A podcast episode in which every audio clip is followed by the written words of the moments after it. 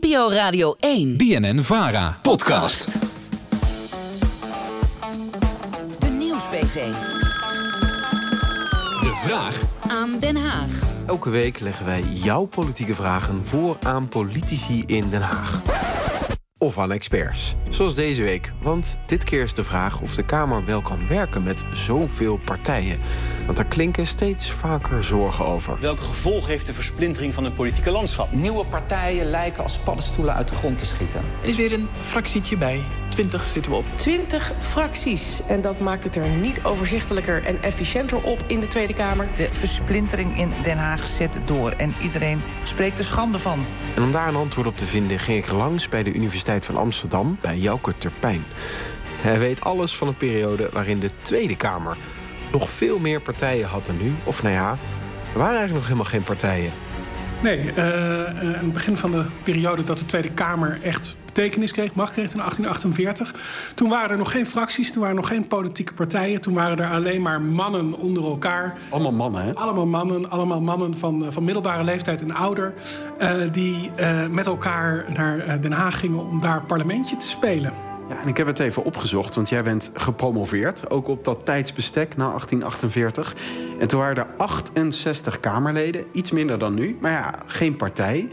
Gingen die dan allemaal het woord voeren tijdens een debat? Dan was je wel even bezig, denk ik. Zeker, dat, dat zouden ze mogen doen. In principe, iedereen had het recht om niet één keer, maar twee keer zelfs het woord te voeren over onderwerpen. Maar dat deden ze vaak niet, want het was wel zo dat eh, vooral die mensen het woord gingen voeren die er veel over wisten over een bepaald onderwerp, die ervoor doorgeleerd hadden, gestudeerd hadden erin. En eh, vooral ook de Kamerleden die net iets hoger op de eh apenrots zaten dan, dan de anderen, die, die voerden ook het woord. Maar hoe lang duurde dat dan? Waren dat eeuwenlange debatten die, die weken duurden? Of hoe lang duurde dat toen? Eh, nou, dat kon heel lang eh, doorgaan. Ze begonnen altijd op dinsdag en dan gingen ze tot vrijdag eh, door. Over één onderwerp? Ehm, soms deden ze er nog veel langer over zelfs. Hè, dat de week voorbij was en dat ze dan terugkwamen de week erop... en dat hetzelfde onderwerp nog niet afgehandeld was. Dus soms duurde het wel weken voordat een, een onderwerp eh, afgehamerd eh, kon worden. Dus als je, als je dan nu kijkt, dan gaat het eigenlijk een stukje efficiënter eigenlijk in de Tweede Kamer. Het gaat een stuk efficiënter. Er zijn natuurlijk veel meer Kamerleden en die worden ook goed ondersteund. Zaten er ook een paar Kamerleden tussen die, die, die gewoon alleen maar een beetje luisterden? Er waren ook Kamerleden die eigenlijk helemaal niks zeiden. eh, eh, zelfs nooit iets gezegd hebben tijdens hun parlementaire carrières. Dat is wel grappig. Er was één Kamerlid, een meneer Heemskerk Bezoon. Hij heeft 35 jaar in de Tweede Kamer gezeten. En in die hele 35 jaar heeft hij maar één keer een zin uitgesproken tijdens een vergadering. Dat moet heel substantieel zijn geweest dan.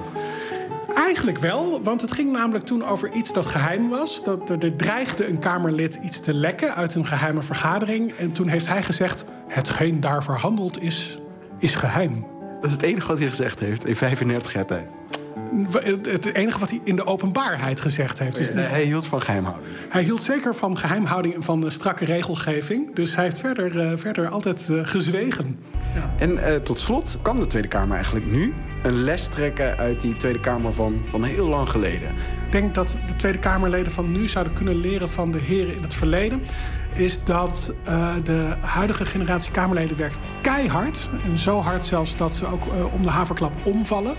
Ik wil niet zeggen dat ze zo moeten gaan luieren als die heren in 1848. Want dat lijkt me helemaal geen goed idee. Heerlijk weken vergaderen over één onderwerp. Zeker delibereren met elkaar en daarna lekker een glaasje cognac en een sigaartje erbij en dergelijke. Dus dat moeten ze zeker niet gaan doen.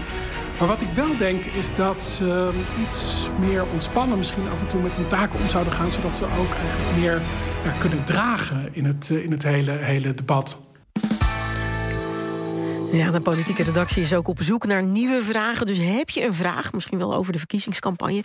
stel hem dan gewoon hè, in de Radio 1-app of mail hem. Dat mag ook naar de Nieuwsbv Politiek. En wie weet hoor jij je eigen vraag terug